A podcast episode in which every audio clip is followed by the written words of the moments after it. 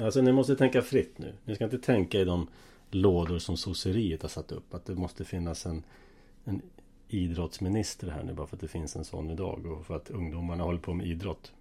För det mesta ska läggas ner. Om vi säger så här istället. Vilka åtgärder ska vidtas? Vad ska vi, vad ska vi, vad ska vi sluta med? Det här, det, det statliga överbyggnaden på samhället är ju som en våt filt. Så vilka delar av den våta filten löser vi? Avskaffar vi först. Radio Folkungen den 15 november 2023. Och här är Klaus, Sven och Ingrid. Hej på er kära kollegor. Hej. Hej. Idag ska vi eh, prata om hur man skulle reparera Sverige. Skuggregeringen Folkungen. Vad skulle vi göra? Men innan vi gör det så ska vi ha lite positiva nyheter. Vindkraftsnytt Sven, vad händer på vindkraftfronten? Det är dålig ekonomi på vindkraftsfronten. Vilket är, är, är glädjande. Och eh, vi kan ta ett exempel. Eh, och ett, ett bra exempel ja, ur, ur en pedagogisk synvinkel då. Eh, markbygden, det har jag nämnt tidigare då. Tjatar om det. Ligger i Piteå. Ja, det här 1500 snurror. Ja, ah, tusen. Vildmarken. Ja, tu, tu, tu, tusen snurror. När det är fullt utbyggt då. Jag, jag har inte koll på hur långt de har kommit faktiskt. Uh, Kina är en betydande andelsägare i det där projektet. Och uh, nu har de så stora ekonomiska problem så att de har ansökt om rekonstruktion. Det vill säga det är under konkurskniven de är verksamma nu. Eh, och då kan man läsa på eh, till exempel Sveriges Radios sida. Eh, jag tar ett citat här som är, lite roligt i sammanhanget. Eller talande. Och citatet lyder Piteå är mitt i navet i den gröna omställningen, säger Morgan Rubensson på Statkraft. Okej. Okay. Ja, och då blir ju en väldigt naturlig fråga att ställa. Vill man vara mitt i den gröna omställningen? mm. om, om, om det innebär att man måste rekonstruera sig för att e överleva. Uh, det är tveksamt. Precis. Men så, Ele så ser det ut. Elektrifiering pågår. Och då, jag pratade faktiskt med en, en eh, kvinna som är aktiv i eh, det organiserade vindkraftsmotståndet i Sverige som jag känner lite flyktigt bara. Eh, precis eh, idag faktiskt. Och eh, hon sa att en bidragande orsak till det här det är att de här PP-avtalen då, Power Purchase agreements. Eh, där man säljer el innan man har producerat den. Eh, de håller inte eh, därför att man klarar helt enkelt inte av att producera det man har utfäst sig att sälja och då måste man elhandla upp den elen från andra producenter och sen eh, sälja eh, med förlust då. Eh, därför att den elen är dyr att köpa. Är det de här optionerna vi har talat om innan? Om vi ska vara, om vi ska vara, te om vi ska vara tekniska så kallas det terminer. Ja, termin, det var det jag menade. Ja. ja. Det är alltså Du säger jag ska sälja 200 megawattimmar den 13 eh, december. Och eh, för det är priset Då finns det alltså priser idag på framtida försäljningar. Och då har man antagligen gjort så att man har baserat de här terminerna på en, dels en volym som man trodde man skulle kunna producera. Vilket Sven nämnde här. Och dels ett pris. Som eh, ja, man trodde var för lågt helt enkelt. Och sen så visade det sig att det blev väldigt högt. Och då får man ju då köpa in de här till högre pris än man kan sälja dem för. När dagen kommer. När det ska ske leverans. Så att det där är ett eh, vågspel. Så att eh, visst, spekulation eller sä finansiella säkringar är ju en sak. Men i grund och botten handlar det om att man inte har producerat det man kunde. Det låter som en instabil affärsmodell. Nej, nej, det här är jättebra. Vindkraft är jättebra. Det är mm. stabilt. Ja, så det var en positiv nyhet. I alla fall om man vill vara mitt i den gröna omställningen som sagt. Då är det jättebra. Det, lå det. låter liksom som en sån här eh, kommunpamp i en eh, glesbygdskommuns eh, dröm. Tänk att få omnämnas som det. Det är faktiskt en mardröm. Jag ska eh, nu i helgen här så ska jag eh, försöka om vädret tillåter så ska jag spela in helt enkelt videomaterial från en vindkraftpark och så kan vi lägga upp det på Folkungens YouTube-kanal. Så, så får uh, våra följare och lyssnare ta del av den så att säga fullständiga förödelsen uh, som det här skapar i, i, i landskapet. Det, det, är bra för miljön det här sägs det ju. Det är inte bra för själen, det kan jag säga. Nej, inte miljön heller. Jag skrev ju faktiskt en text här för det måste vara två år sedan snart. Ett och ett halvt eller Där jag gjorde en eh, ekonomisk analys av vindkraftens lönsamhet. Jag har säkert nämnt den förut som allt annat som jag säger nu för tiden. Eh, där räknade jag ut att man gick ungefär i back med en miljon per år av vindsnurra. I ett bolag som heter Arise, ett svenskt börsnoterat vindkraftbolag. Mm. Då har jag faktiskt en eh, nyhet där, Klaus. Mm -hmm. nu, nu kapar jag din utsaga lite grann här. Men, okay. men uh, jag var inne och kollade på alla bolag idag på just Arise. Och uh, de har ett jättehopp i vinst. Mm. Som, som, som jag uppfattar som så stor så att jag, jag liksom, jag, jag förstår inte den. Så att det där tycker jag vi kan titta närmare på och kanske återkomma. Ja, men det, jag ska förklara hur det funkar. Därför att de har massa olika verksamheter, bland annat massa konsultverksamhet och de har De bygger vindkraftsparker åt andra, tjänar pengar på det, de håller på med underhåll. Men som en riktig finansanalytiker så rensar man för alla de där grejerna och bara tittar på vad genererar själva deras vindkraft. De turbiner, som det heter så fint, som de själva äger. Mm. Och tittar man på den biten som är ändå själva nyckel kärnverksamheten så går den med förlust. Och om de, om de går med förlust så går alla andra också med förlust. Också de här, eh, den där typen av bolag är väl eh, väldigt skickliga på att flytta runt så att det inte riktigt syns vad som är vad. Man får, man får trixa lite med deras årsredovisningar för att rensa bort allt ja, fluff. Jag kan också tänka mig att de lägger eh, icke vinstdrivande verksamhet i något underbolag som sen kan låna och, och allt vad de håller på med. Ja, men det, man, man, kan komma ganska nära sanningen i alla fall med deras eh, redovisning och vad som är vad. Men det de också hade gjort då var att förlänga livslängden, avskrivningstiden på sina snurror till 30 år. Från vad då? då? Ja, om det var 20 eller vad det var innan. Mm -hmm. Det vill säga, och det, det får ju siffrorna se ännu bättre ut. Om man slår ut kostnaden på 30 år istället för 20. Men även med, det, även med de 30 åren så var det fortfarande en miljon förlust per snurra och år. Så det där håller ju inte. Och nu börjar det ju faktiskt krackelera flera projekt som har lagts ner. Och Örstedt, den danska vindsnurretillverkaren som har störtdyket på börsen och blivit av med nyckelpersoner. Ja, det ser bra ut. Ja.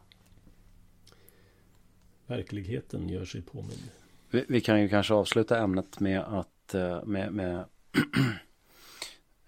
med ett faktum om eh, Arise styrelse. Och då kan jag meddela att Maud Olofsson, den före detta Centerpartiledaren, tillika näringsminister va? I... Ja.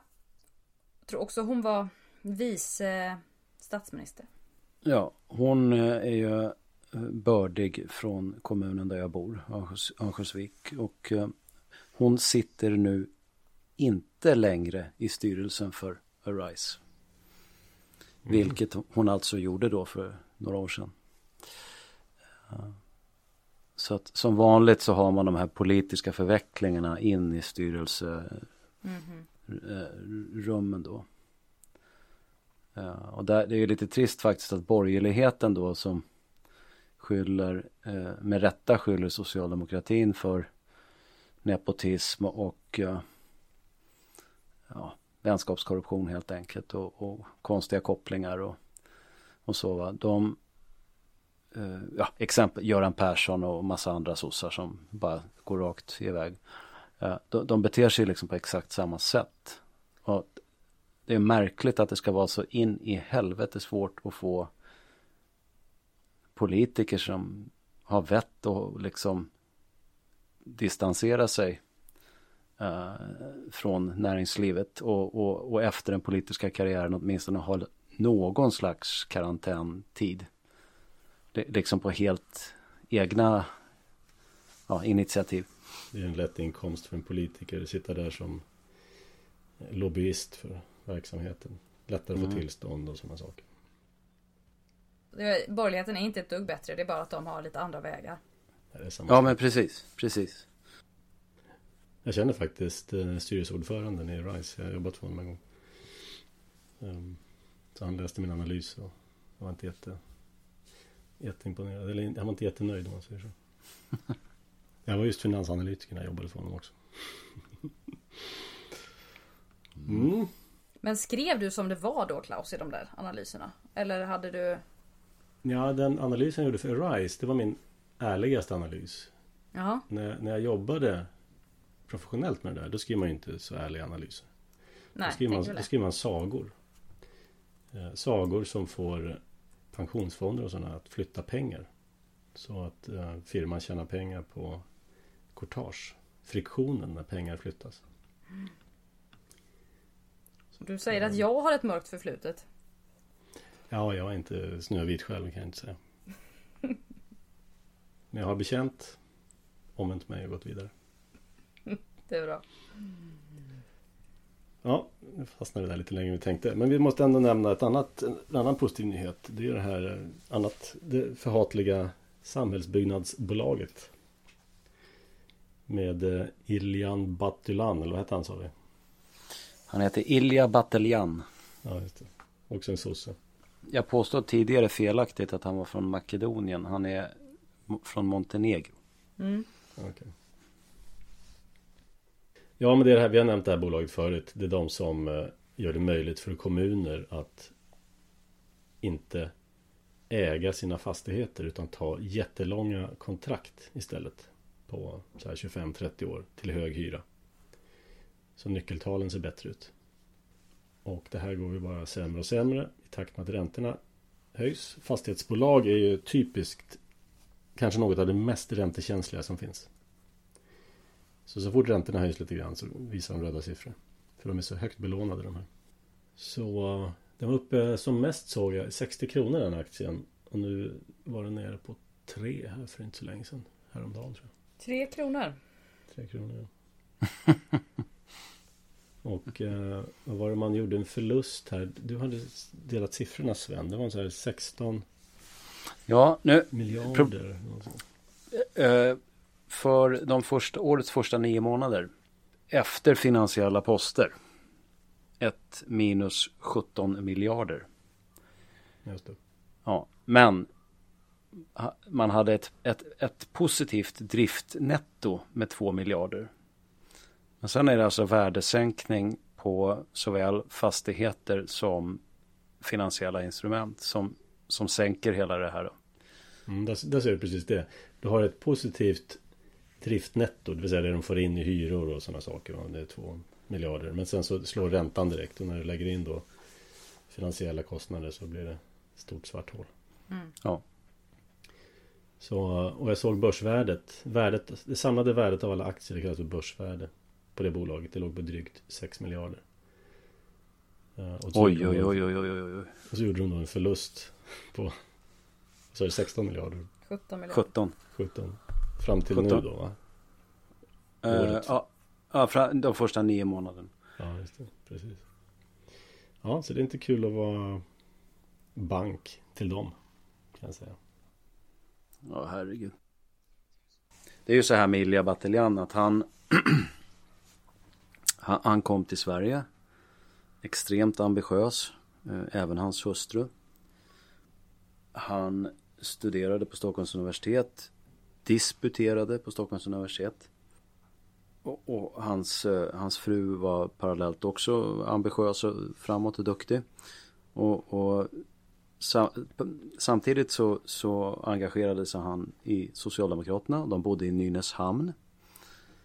Där han blev kommunalråd tror jag. Men det är mycket framsynt att eh, engagera sig i Socialdemokraterna man vill framåt i sitt nya land. Ja, men han hade ju, man ska förstå att han kom ju då ifrån Jugoslavien eh, om begreppet tillåts användas idag. Och vissa etniciteter i Jugoslavien de har varit väldigt duktiga på att anpassa sig till eh, de här föreningsstrukturerna i Sverige. Alltså politiska partier och, och andra. Va? Bosnier är väldigt duktiga på det. Jag har fått eh, förklarat eh, att de är väldigt svenniga i sitt sätt, bosnier. ja. Eh, ja, det vet jag inte men, men det är också så att... jag inte vill använda egentligen då. Men, ja. det, det, är också, det är också så att Olof Palme Internationella Center har haft en omfattande och har än i denna dag verksamhet på Balkan. Mm -hmm. Ja. så att det finns bindningar här till socialdemokratin som är lite diffusa för oss tre här men som börjar man rota i det så finns det nog väldigt konkreta vägar så att säga. Men ja. han, han, han, gjorde ju då karriär, eh, blev kommunalråd i Nynäshamn, var stark man där. Eh, var en vända i regionpolitiken i Stockholm. Aspirerade på att bli partiledare efter Mona Sahlin.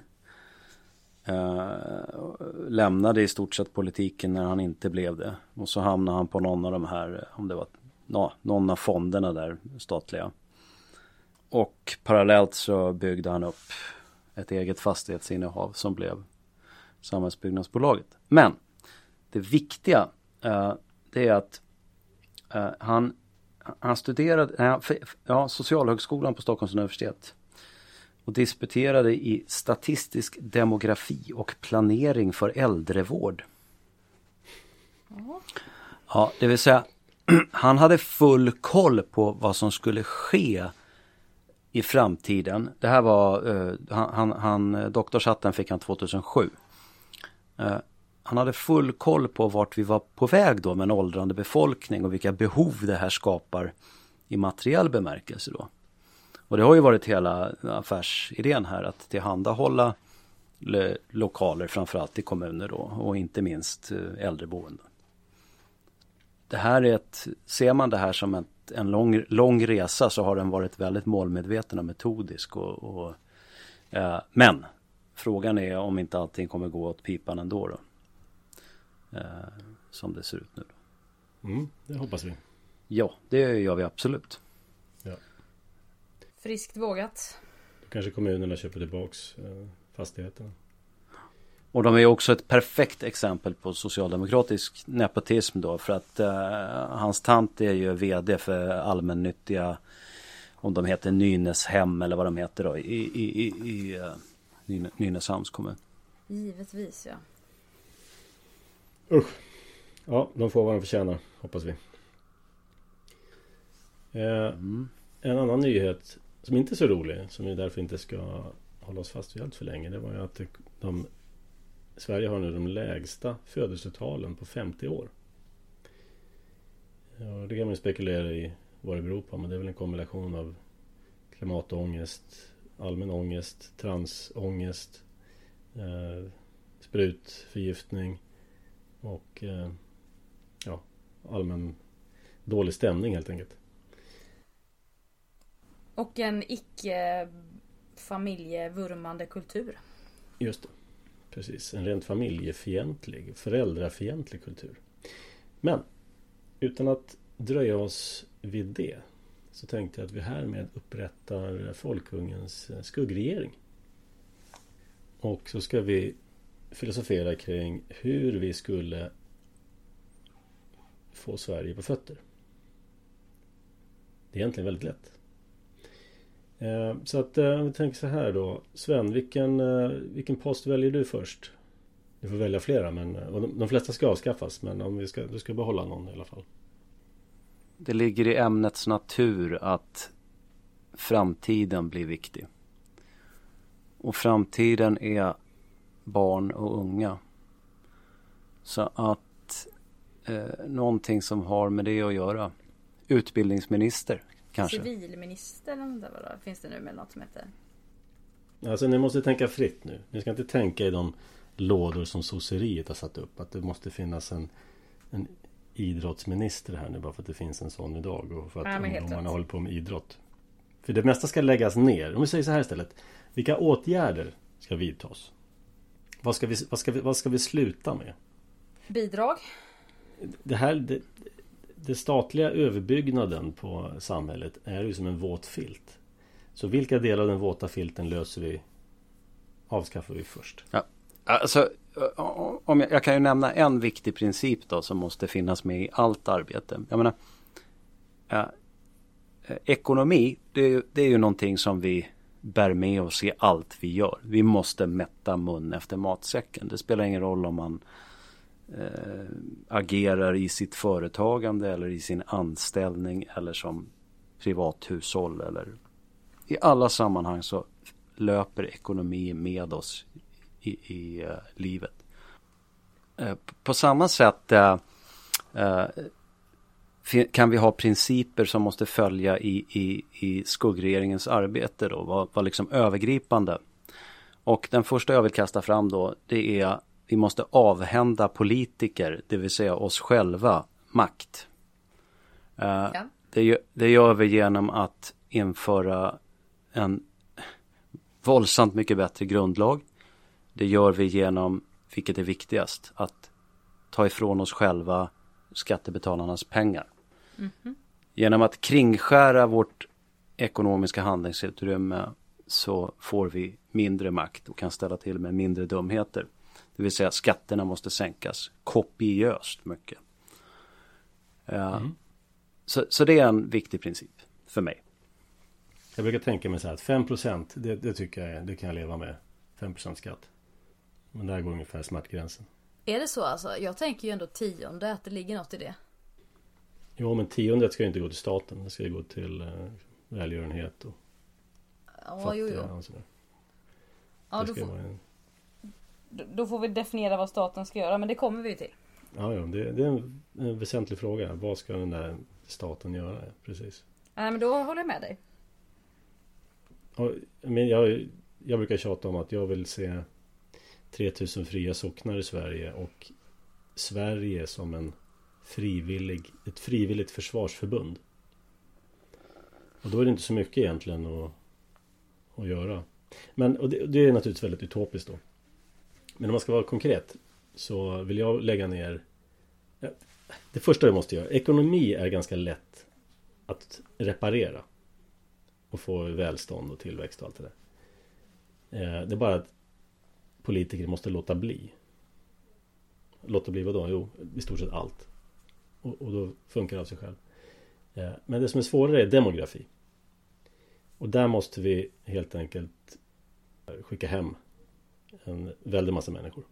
Vi måste hjälpa dem hem. Ta bort alla bidrag och så ge ett bidrag och aldrig mer. Hembidrag. Ja, ett, ett hemvändarbidrag. Ja. Så det är det första vi måste göra. Vi måste få styr på eh, ja, vilka som bor här. Vi måste ha vi måste ha en incitamentspolitik som skapar återvandring. Ja. Ja, och det får man ju om man avskaffar de här bidragen som lockar. Naturligtvis. Eh, så det är det första jag skulle göra. Återvandringsministerium. Ingrid? Ja, det första jag sa det var ju ta bort alla bidrag. Och det gäller ju för de flesta. Inte bara för de som har eh, inte så, hur ska man säga, djupa rötter i Sverige. Utan för de flesta. För att, eh, ja, det finns ju även de här som är drabbade av detta. Vad ska man kalla det? Latmasken. Den dåliga, ja. De dåliga incitamenten. Just det, jag har en bekant eh, som jobbar på Försäkringskassan. Mm -hmm. Hon kan en typ av specialist. Jag tycker alltid det är roligt att prata, prata med människor som jobbar i offentlig sektor sådär och försöka peta lite på dem och se om de kan tänka utanför lådan som de jobbar i. Uh, och jag sa det, men uh, hur skulle en värld se ut om vi la ner ditt, din organisation? Försäkringskassan? Mhm. Ja, jo, ja, jo. ja, men, t- tänk att man hade egna privata försäkringskassor. Det är inte så att bara för att vi inte har en försäkringskassa så ska vi inte ha försäkringar. Det är bara det att någon annan ska göra försäkringar. Och eh, som vi nämnde tidigare här så var det privata försäkringskassor förr i världen. Det funkade alldeles utmärkt. Jaha, ja men det, så var det ju förr sa han. Ja, det, ja och, och hur har det blivit bättre nu?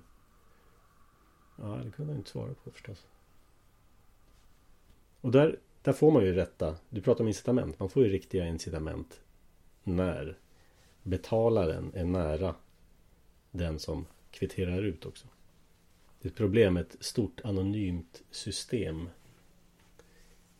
Eh, Det skapar en roffarmentalitet. Ja, det, det påverkar ju också på eh, sätt som, som, som kanske inte diskuteras så ofta. För att jag menar hela bidragsdiskussionen, den är ju på intet sätt ny. Va? Den, den har ju hängt med sen. Romarrikets dagar. Ja, ja men, men om man säger mina första minnen på 80-talet av några politiska diskussioner, det, det fanns ju med redan där och var väl etablerat. Eh, Också Reinfeldts eh, eget genombrott där. Det sovande folket. Ja, ja precis. Det är ett bra exempel. Men det påverkar ju så tillvida att människor väljer inte utbildning. Och det gäller både gymnasieutbildning, yrkesutbildning, universitetsutbildning. Väljer inte utbildning utifrån premissen att jag ska försörja mig när jag är klar. Du behöver inte ens säga utbildning utan man kan säga det mer som en livsbana. Ja, precis. Så att alla utgår ifrån att försörjning kommer att lösa sig. Och, och, det där skapar så otroligt mycket elände därför att det enda som kan styra ett, att, att liksom kollektivet på något sätt självorganiserar sig och gör rationella utbildningsval. Det är ekonomiska faktorer. Sen finns det en liten planekonomisk del i det här som, som man inte ens som frihetlig höger slipper undan. Eh, om helt plötsligt eh,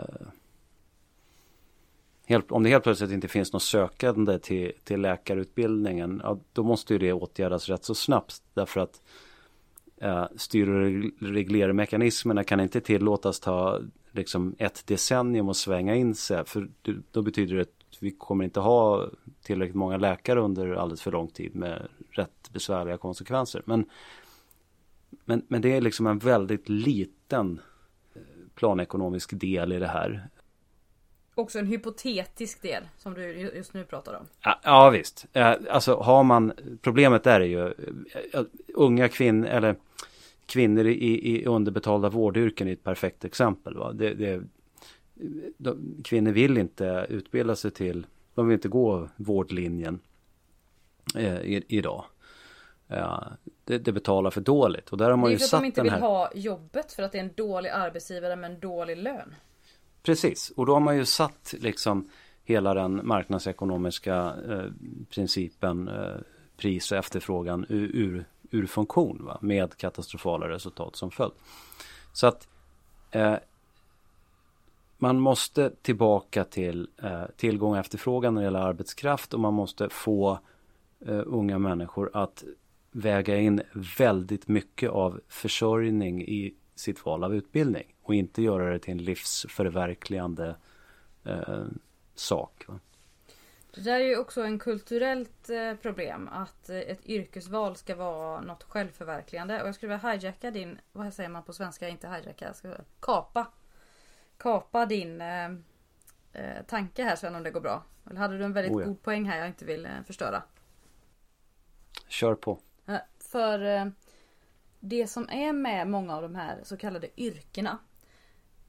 Låt oss säga undersköterska. Jag säger inte att det inte är en viktig funktion i samhället.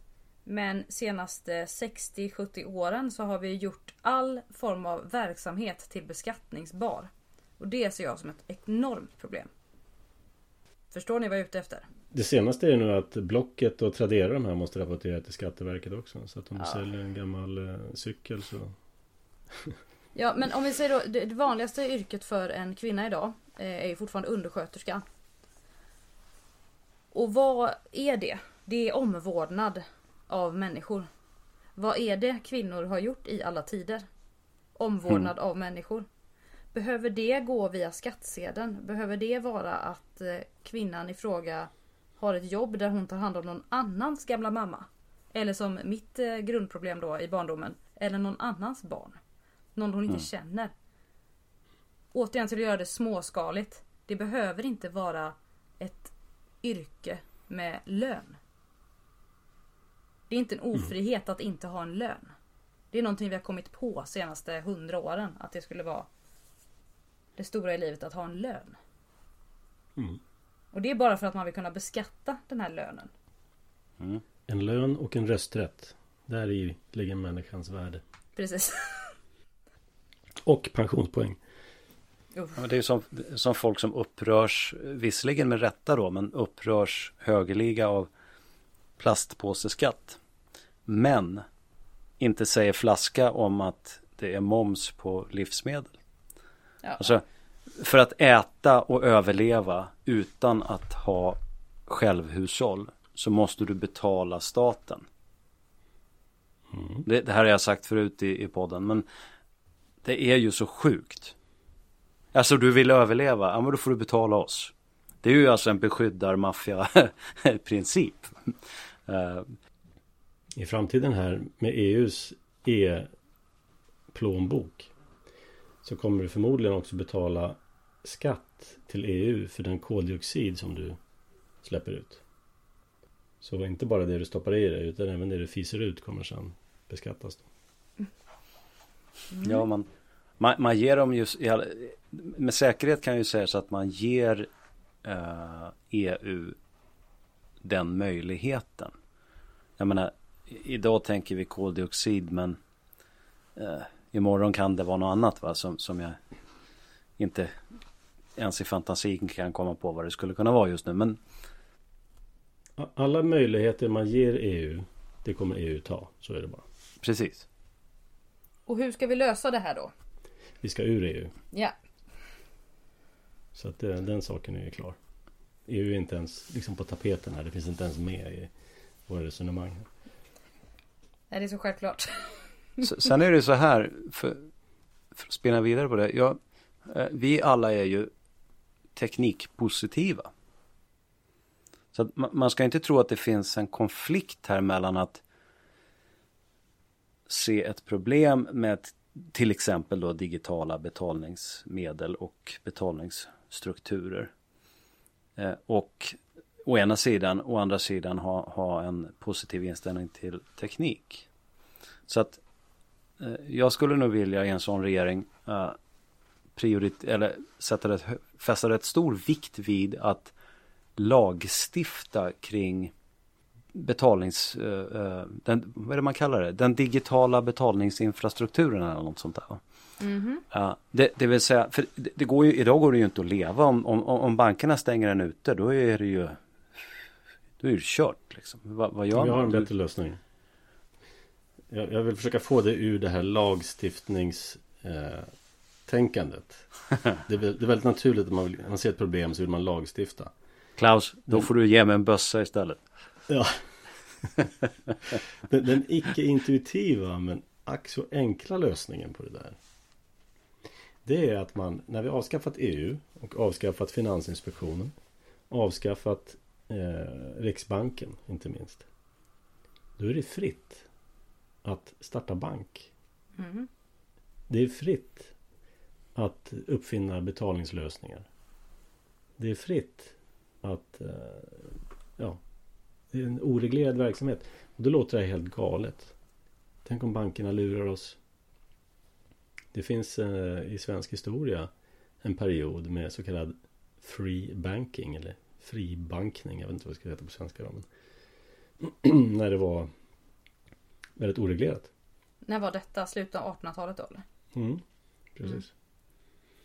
Och eh, det som händer då är att när ingen stat garanterar bankernas eh, soliditet och sådär så då blir konsumenterna informerade och eh, upplysta. Och eh, bankpersonerna i fråga själva blir ju väldigt noggranna med sin affär. Ja, därför att det, plötsligt blir banken som ett riktigt företag. Och måste stå på egna ben. Så tokigt. Ja, och, och då är det många saker som bankerna ägnar sig åt idag som blir totalt omöjliga. Till exempel eh, att stänga ute människor som vill ha ett bankkonto. Därför att då kommer någon annan ta den kunden istället. Ja, så det finns ju alltid möjlighet att stänga ute. Men då ska det ju vara av en god orsak som är att de inte, man inte vill ha dem som kund. Det har man alltid alltså, till. Det, det, de kan välja vilken orsak de vill. Att stänga ute en kund. Precis som en frisör kan vägra att klippa någons hår. Om man tycker att den är liksom otvättad eller så. Eller han behöver inte ens motivera. Jag vill inte klippa ditt hår. Okay. Då går man till en annan. Och där finns det då när det, finns, när det är oreglerat så finns det alltid konkurrens. Det finns alltid någon som vill tillhandahålla, tillhandahålla en tjänst. Och det här var en väldigt stabil period i svensk ekonomisk historia. Utan sådana här stora bankkrascher och, och grejer. Är det under tiden av att eh, Wallenberg och Thiel och alla de här bildade sina banker? Ja, det, det är lite grann samma tid då. Ja. Eh, men det fanns många, många små banker. Lokala banker. Sockenbanker. Ja. Och det går inte idag. Därför att det anses vara extremt riskabel verksamhet. Och då blir det förknippat med höga kostnader och eh, massor med regleringskostnader ja, för att upprätthålla diverse lagkrav och grejer. Va? Det är ju också det att alla väldigt reglerade branscher blir så dyra att driva runt för att det blir en sån stor eh, administration ja. i det. Precis, och då får du såna här skalfördelar då i byråkratin som gör att du får tre eller fyra stora aktörer. Ja, inte minst. Ingen alltså, konkurrens. Det är ju både skalfördelar och eh, att de alltid efter en tid nästlar sig så nära de som stiftar lagen. Ja, precis. Och det är också en skalfördel. Det här med skalfördelar som man läser om i ekonomin, det är, det är egentligen mest en, en myt. Därför att när ett företag blir stort så blir det byråkratiskt och trögt och dåligt. Så jag, jag ser mer skalnackdelar. Däremot i byråkratin, där finns det skalfördelar.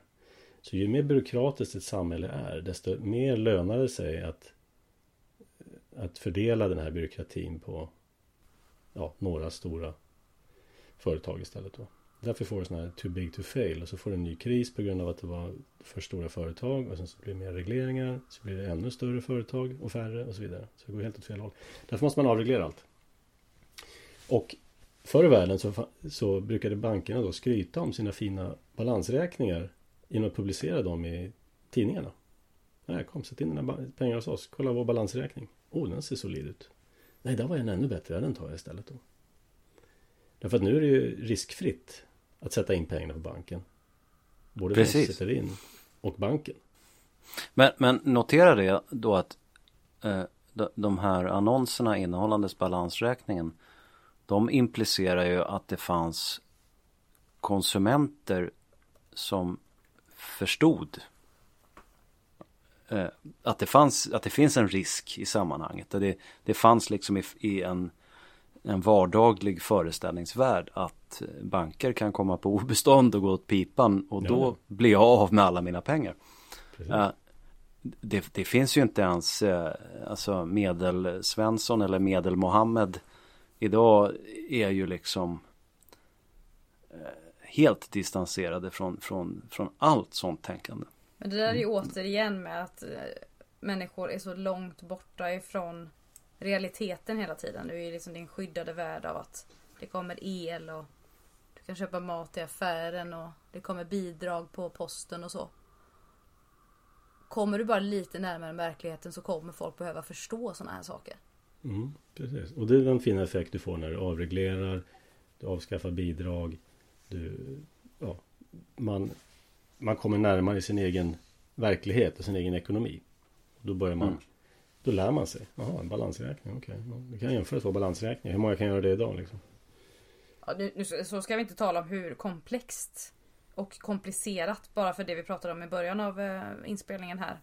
Om att man kan gömma saker i eh, bryta ner det på olika sätt, olika redovisningsmetoder. Sånt är också en byråkrati ledd, gjord för att förvilla. Ja, precis. Men de balansräkningarna var ju enkla att förstå för att kunna locka till sig kunder, inte för att dölja saker. Eh, och, och dessutom så var det så att bank, det var ju bara ett fåtal som höll på med sånt. Kanske man hade mycket pengar eller sådär. Va? För vanligt folk så, ja, man fick sin lön på fredagen och sen så betalade man sin hyra och köpte sin mat. Vad ska man med bank till för det liksom? Och att det alltid finns möjlighet att låna från de närmsta. Så lånar du lite här och lite där. Ja. Och lokala sjukkassan, lokala Försäkringskassan eller vad det nu var för någonting. Så att eh, nej, bort med allt det där. Inte fler lagar, färre lagar. Skolan, eh, det första som skulle väck det är läroplanerna. Ja. Och skolplikten. Ja. Det, det, jag är inte så här hundra procent i den frågan men jag är garanterat över 50 procent. Om vi säger så här, det får vara, det får vara, en, det får vara en sockenfråga. Ja, precis. Ja, precis. Det, det, får gärna föras ner på en lokal nivå för mig. Du talade förut om eh, alltså incitamenten att eh, studera till lite olika saker. Det har exakt samma effekt när det kommer till eh, skolplikt eller läroplikt. Om man avskaffar den. Mm. Se vad som händer i livet om du inte gör si eller så. Mm. Och då är det ju för de flesta människor inte en eh, nästan 12-årig grundskola som vi numera har. Även om den är 9 år på pappret. Men den är ju de facto 12 år. Ja, men tänk, tänk dig så här. Du går i skolan. För det första så kanske du jobbar mer hemma, hjälper mamma eller pappa liksom med grejer. Och sen så går du till skolan på förmiddagen kanske. Och sen eh, vid 12 års ålder så är du väl färdig. Till att kunna göra enkla jobb. Jobba liksom enkla jobb och sitta i en kassa eller hjälpa till på en gård eller göra enkla jobb på en fabrik eller ja. Alltså det här var ju så naturligt i det förindustriella samhället och också i skiftet där. Eh, mina mor och farföräldrar är precis av den generationen i det skiftet och jag är så imponerad över så mycket som de kunde nu när jag tänker tillbaka på det. För att de hade fått lära sig det i verkliga livet och när det behövdes. Inte teoretiserat långt bort mm. ifrån när du förstår vad du ska ha det till. Just det. Ja, på tal om, jag läste ett roligt citat av någon mem eller någonting. Förr i världen så stod det i bil, bilens handbok hur man ställer in ventilerna. Idag så står det Drick inte batterivattnet. det är dumt. Alltså det, det är ett fördummande samhälle av fackidioter som vi har, har byggt då. Ja. Ja och sen får man vara ärlig med och säga att mycket i samhället har ju blivit mer komplext som gör att du behöver mer specialisering. Eh, så det ska vi inte låtsas som att det inte finns. Ja men, men, men vi har samtidigt Vi har samtidigt slagit allmänbildningen i spillror och, och, och särskilt inom det tekniskt praktiska området. Det, om man säger marginal eh, besväret för en teknisk specialist att skaffa sig en, no, en, en vettig teknisk allmänbildning är inte så stort. Ändå sker det inte. Och det här vet jag med säkerhet eftersom jag arbetar med det jag gör som tekniker på Teknisk högskola och träffar väldigt högt utbildade människor hela tiden. Och jag vet att den tekniska allmänbildningen lämnar väldigt mycket övrigt att önska hos väldigt många tekniska specialister. Och det finns inga rimliga skäl till att det ska vara på det sättet. Och eh, det här skulle behöva åtgärdas. Jag misstänker att det kan vara på liknande sätt inom ja, humaniora och, och, och dylikt. Men, men jag har inte bildning nog att, eller erfarenhet nog att att säga säkert att det är så. Vi kan bara ta det till något mer vardagsnära så som att sköta ett hem och ett hushåll som något eh, som jag verkligen brinner för. Att eh, det är en kunskap och någonting som går att lära sig och eh, faktiskt ger en stor mening om man praktiserar det i sitt liv. Mm. Jag, jag kommer ihåg tidigt när jag pratade med någon tjej där i min egen ålder. Vi var väl omkring 20. Så pratade hon om att hon hade gjort en så god lasagne och beskrev då vad man behövde till denna. "Åh, Så måste man köpa bechamelsås och då finns det tydligen, det kände jag inte till då, på en sån här tetra förpackning. Som man kan köpa, sån här vit sås.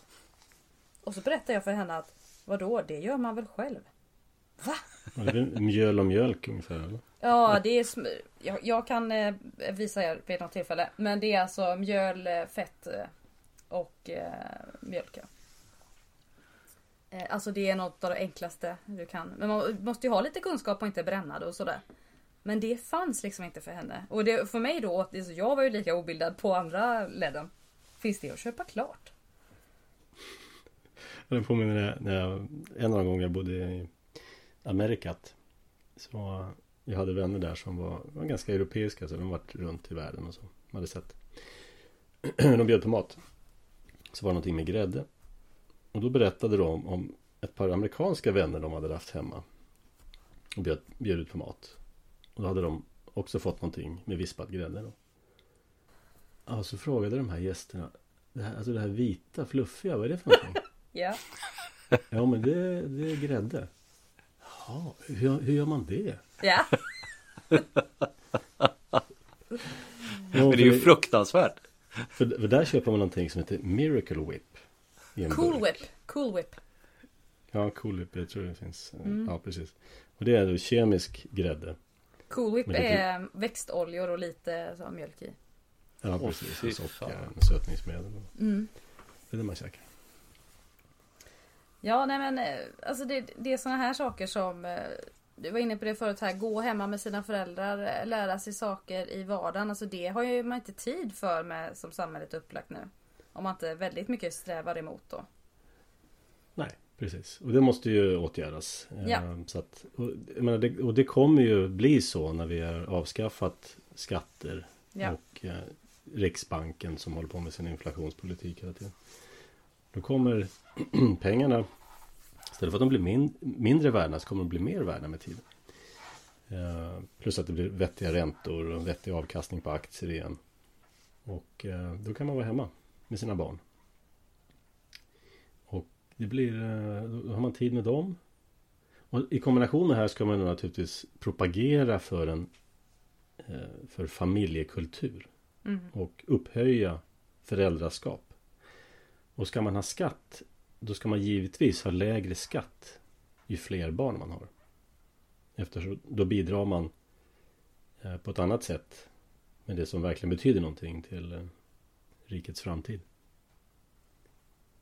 Ja, det där är ju alltså att, eh, att överhuvudtaget prata om framtiden skulle ju vara en väldigt viktig uppgift för vår regering. Eh, Ja, vi hade ju en framtidsminister ett tag.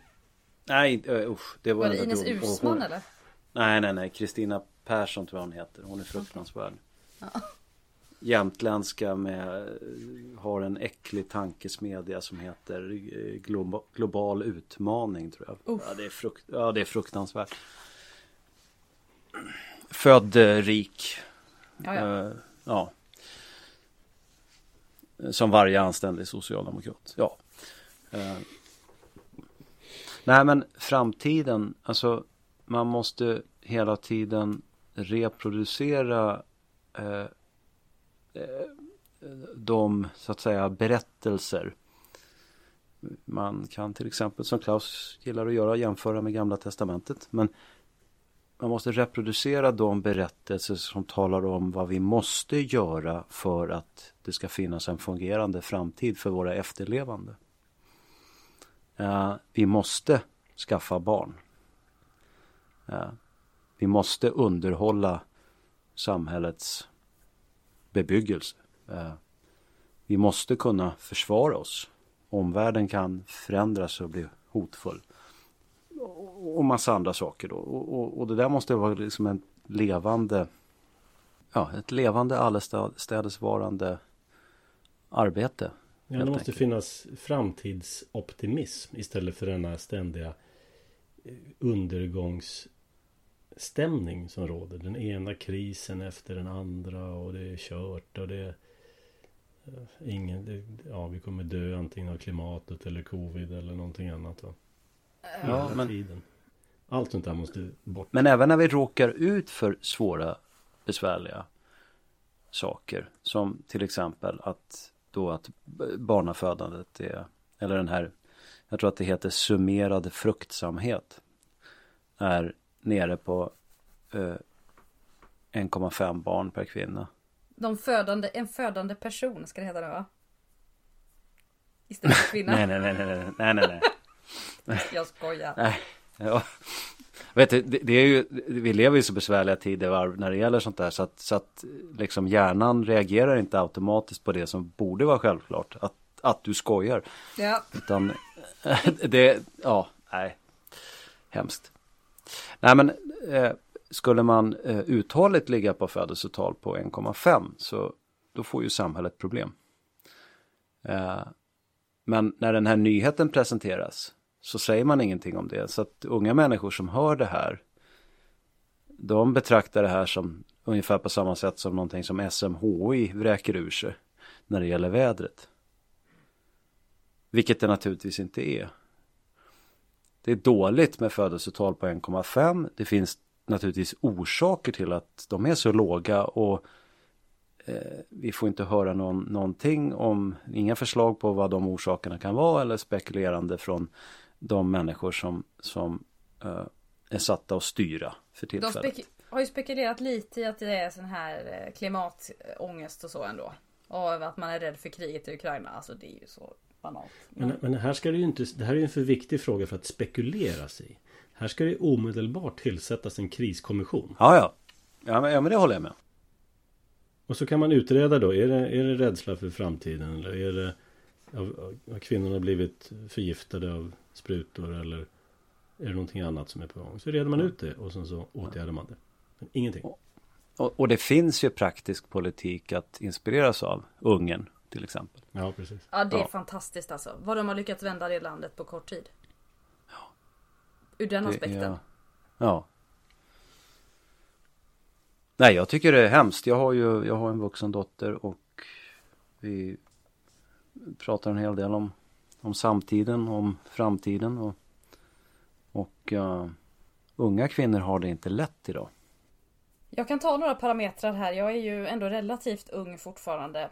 Eh, och får ändå säga att alltså, ett stort problem är ju att eh, den så kallade vuxendebuten senare läggs något enormt. Eh, den här eviga tonårsgenerationen, det har ju blivit bara värre senaste 20-30 åren. Mm. Folk beter, alltså Sex and the City generationen om ni är bekanta med det där. Ja. Jag är exakt från den tiden. Jag har inte sett tv-programmet själv för jag tyckte det verkar väldigt tråkigt. Men det är just det här eh, att det är, det är en lång eh, period av utdraget självförverkligande, olycka och ja, jag vet inte vad man ska hålla på med under de här eh, tio åren. Och det här har ju också spilt över på männen som inte heller vill bli vuxna tidigt. Eller i, i rätt tid. De vill bli vuxna väldigt sent. Och sen då när du kommer upp i den åldern, då har, har ju livet blivit ganska bekvämt. Väldigt innehållslöst och tomt. Men också bekvämt. Och sen då ska mm. du då hitta en partner att bilda familj med här. Och har testat det igenom x antal personer. Eh, och som då göra allt det som krävs eh, för att bilda familj, skaffa något slags bra boende. Jag säger inte att man måste ha det men det är ändå något, det är rimligt att ha ett bra boende. Så tittar vi på hur den marknaden ser ut. Det är också svårt. Utbilda dig en x antal år för att kunna försörja dig. Och sen så, så är man där. Och dessutom då hela tiden kämpa emot eh, kulturen runt dig. För att även om du som individ har insett de här sakerna. Så var ska du hitta andra individer som har insett de här sakerna? Mm. Det finns ju en eh, engelsk antropolog vid namn Unwin. Och nu pratar vi 30-tal här. Så det är naturligtvis brunt och hemskt på alla möjliga sätt. Men Eh, han skrev en bok. En bok, liksom en avhandling då, som heter Sex and Culture. Mhm. Han går igenom ja, det är nästan hundra olika civilisationer. Eh, sex som i kön då eller? Ja, könsumgänge. Ja, okej och sex kön. Eh, och han kommer fram till att den dag, eller vid den punkt när den kvinnliga sexualiteten blir fri, släpps fri. Alltså det vi kallar för kvinnlig frigörelse. Då börjar ett samhälle gå under. Eh, så att ett samhälle som vill överleva måste kontrollera kvinnlig sexualitet. Och det låter ju hemskt att jag säger det. Jag säger bara, jag, jag, jag citerar bara honom. Eh, Men det finns en viss logik i det här. Därför att som jag ser det så det, värde, det dyrbaraste en kvinna kan ge en man. Det är sig själv. Alltså att ha sex med honom. Och eh, med frigörelsen. Innan frigörelsen så var det så att i alla fall fina flickor, det fanns ju flickor av alla slag, precis som pojkar. Men eh, med flickor var det så att eh, man gav sig inte till någon man förrän man hade ringen på fingret och försörjningen tryggad. Men med frigörelsen så blev sex helt gratis. Du behöver inte ens betala för det. det. Det är gratis. Det har aldrig varit billigare med kvinnokött brukar jag säga. Eh, sen feminismen tog över och kvinnan frigjordes. Så att nu behöver det alltså inte bli ett äktenskap för att du ska få sex. Eh, Och därmed behöver det heller inte bli några barn. Så eh, jag tror att det finns en poäng i, i vad han, eh, hans slutsats här. Men nuvarande system behöver du inte ens ta ansvar när du har dina barn. Nej. Så det är ju ytterligare förlängning av den här problematiken. Precis. Vad hade han för exempel på sådana samhällen? Eh, tidigare för eh, mig veterligen har man inte lyckats med reproduktions... Eh, alltså kontroll av reproduktionen innan 60-talet ordentligt. Nej men jag menar inte, ja Nej, det är, inte, det är inte egentligen preventivmedel han är ute efter här Utan det är liksom sexualmoralen Ja. Den dag kvinnor börjar ha sex utan att vara gifta Då börjar problemen Och vad har han för exempel där då? Ja, han går igenom ett, nästan hundra olika samhällen och stammar och civilisationer under 5000 år Ja. Och eh, Naturligtvis finns det folk som har Som har Säkert försökt vederlägga det här Men jag tycker det är en intressant teori fall. För mig är det logiskt Kvinnokött har aldrig varit billigare Varför, varför då ta på sig bördan och, och försörja liksom? Jättejobbigt Alltså den moderna feminismen är ju, eh, um, som jag anser det, en stor... Det är kvinnofientligt på alla sätt. Det är människofientligt på alla sätt. Ingen drar vinstlotten, allra minst eh, de absolut svagaste. Barnen eller... Nu skyller, jag, nu skyller jag ju inte, jag skyller inte på kvinnor här. För jag menar att det var inte nödvändigtvis kvinnor som låg bakom den här rörelsen heller. Utan jag, jag, jag ser det här som en typ av subversion mot samhället. Ja. Men om man, om man, om man tar en biologs eller en zoolog och sätter, sig, sätter på sig dennes kläder och betraktar människan. Så ja, människan är ett djur. Eh, vi har en reproduktion, annars så skulle vi inte existera. Tittar man på djurvärlden så det finns djur som likt dovhjortar har där en dominant hjort under en kort tid av sitt liv har ett harem. Och sen blir han utkonkurrerad av någon som tar hans plats och så går han på retur och dör så småningom. Uh, det finns uh, till exempel fåglar som, som, som orren som på våren träffas hanarna eller tupparna och spelar. Eh, och så kommer det hönor och vissa tuppar får para sig med hönor och så blir det avkomma. och tupparna deltar inte i att, att eh, ta hand om ägg eller kycklingar eller så. Men sen finns det fåglar som, som järpen till exempel och som är, ägnar sig åt tvåsamhet. De lever i par tills döden skiljer dem åt. Då kan de förmodligen skaffa sig en ny partner. Men, men om man då tänker att ja, det där är djurvärlden och så har vi människan då. Vad är zoologens beskrivning av oss? Liksom? Och jag vill ju hävda att människan, liksom järpen, är gjord för tvåsamhet. Sen har det spårat ur i vissa exempel på kulturer i, i världen. Men, Hur menar du då? Äh, Vad är det som har spårat ur? Jo, men det finns ju exempel på, på uh, haremsliknande konstruktioner och det finns säkert naturfolk och, och, annat som jag inte ens känner till där man inte har haft uh, tvåsamhet på det sättet. Men helt dominerande i den mänskliga historien är ju man och kvinna i, i ett äktenskap. Det, det är ju en, en princip som går på tvärs i den religiösa matrisen. Det vill säga vi återfinner den i en rad olika religioner. Det vill säga människors, det har varit självklart i människors föreställningsvärld i massa olika kulturer. Och eh, på samma sätt tror jag att man kan finna att promiskuitet är ett föraktat beteende. Och att det finns goda skäl till det. Därför att promiskuitet förstör ett samhälle. Eller riskerar att förstöra ett samhälle. I alla fall om det blir allmänt, en allmän hållning. Då förstör ja. det. Är, det är lite som, man kan jämföra med homosexuella män.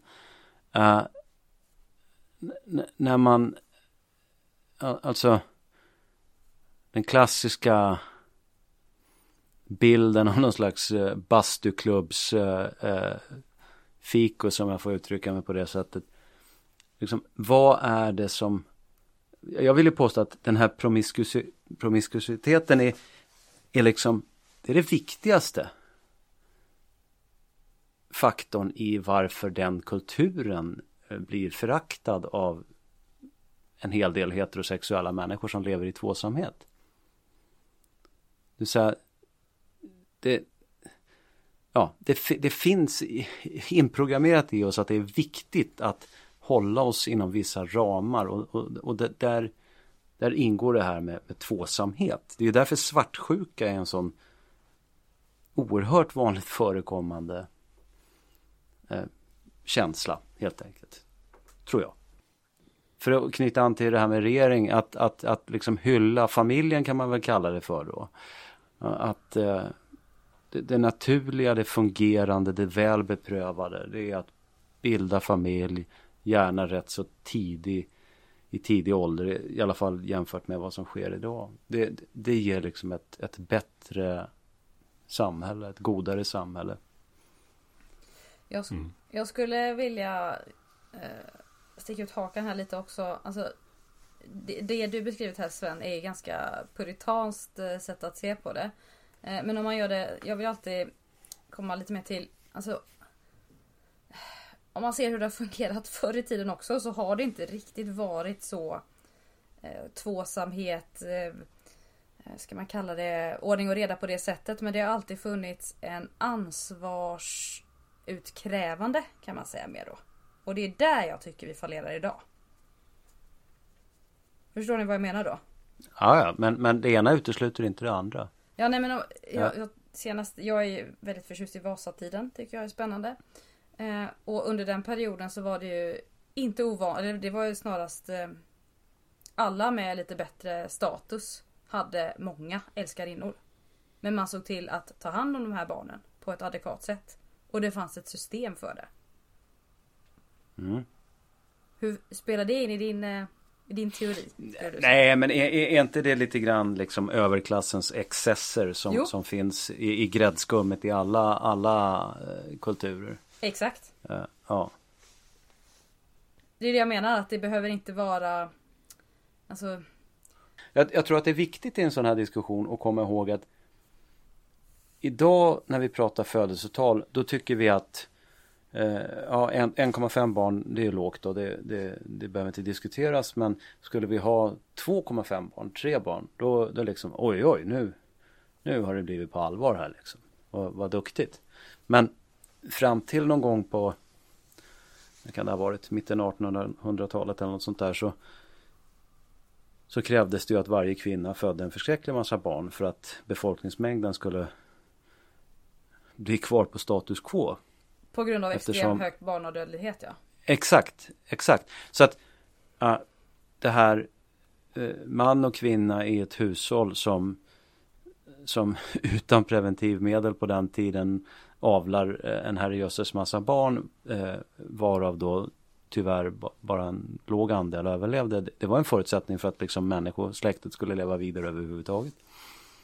Men sen också den här extremt höga barnadödligheten. Jag har inte riktigt den här eh, statistiken framför mig. Men den, den är också en eh, parentes i eh, mänsklighetens historia. Alltså den här extrema som vi pratar om på 1800-talet.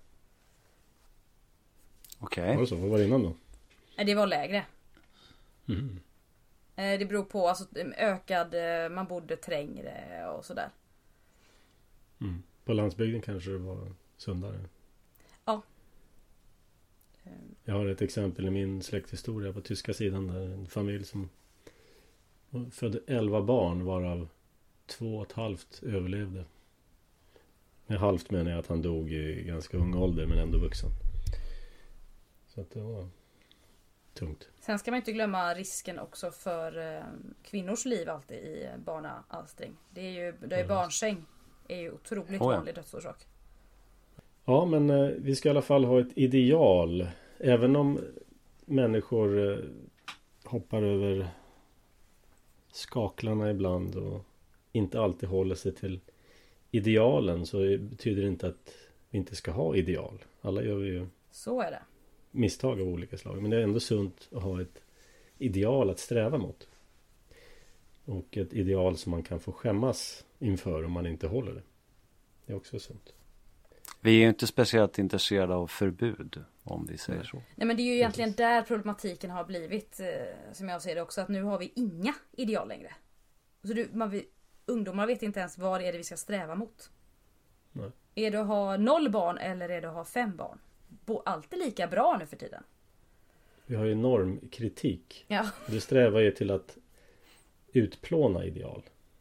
Alltså ja, det är det de säger samtidigt som det finns ju ideal i den där normkritiken som är mycket, mycket tydlig om man bara lyfter lite på stenen.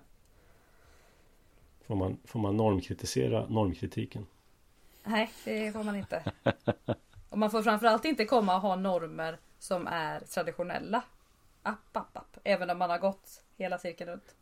Ja, precis. Det är som den gamla matematiska paradoxen. Mängden av alla mängder innehåller den sig själv. Just. ja. Kan du fundera på. Ja. Jag, har lär, jag har lärt mig min normkritik på institution. Re, redan i en sån utsaga så, så är det ju liksom ja. ga, ga, galet.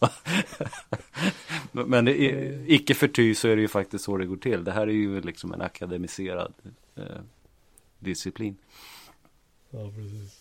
Om, vad, det, vad det stod så här. Om din om din revolution publiceras i media så är det inte revolution. Eller något sånt där i alla fall. Ja. Eh, sant revolutionära idéer. De, de får man inte från institutioner. Nej. Gott så. Men då har vi löst alla problem kan vi säga. Eh, mindre stat, mer lokalt ansvar i sann folkungaanda. Mindre förbud och mer naturliga incitament. Och eh, naturliga normer där verkligheten slår till.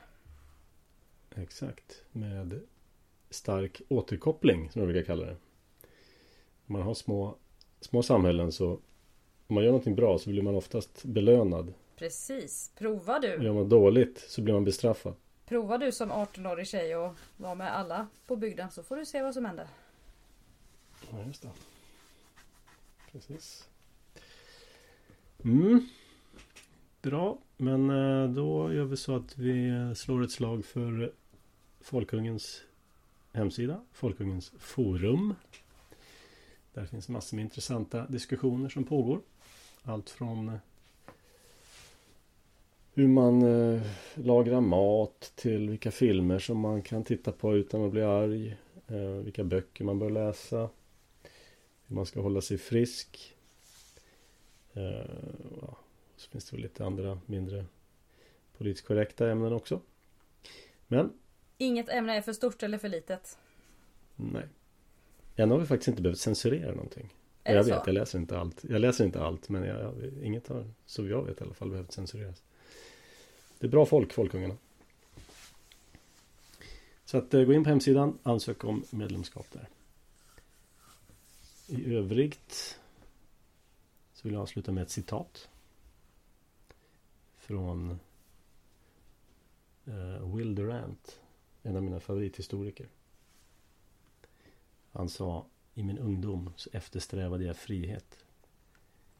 I högre ålder eftersträvar jag ordning. Och jag har lärt mig att frihet är en produkt av ordning. Och därmed tackar jag för mig. Och ni för er gissar jag. Tack, tack. Tack, tack.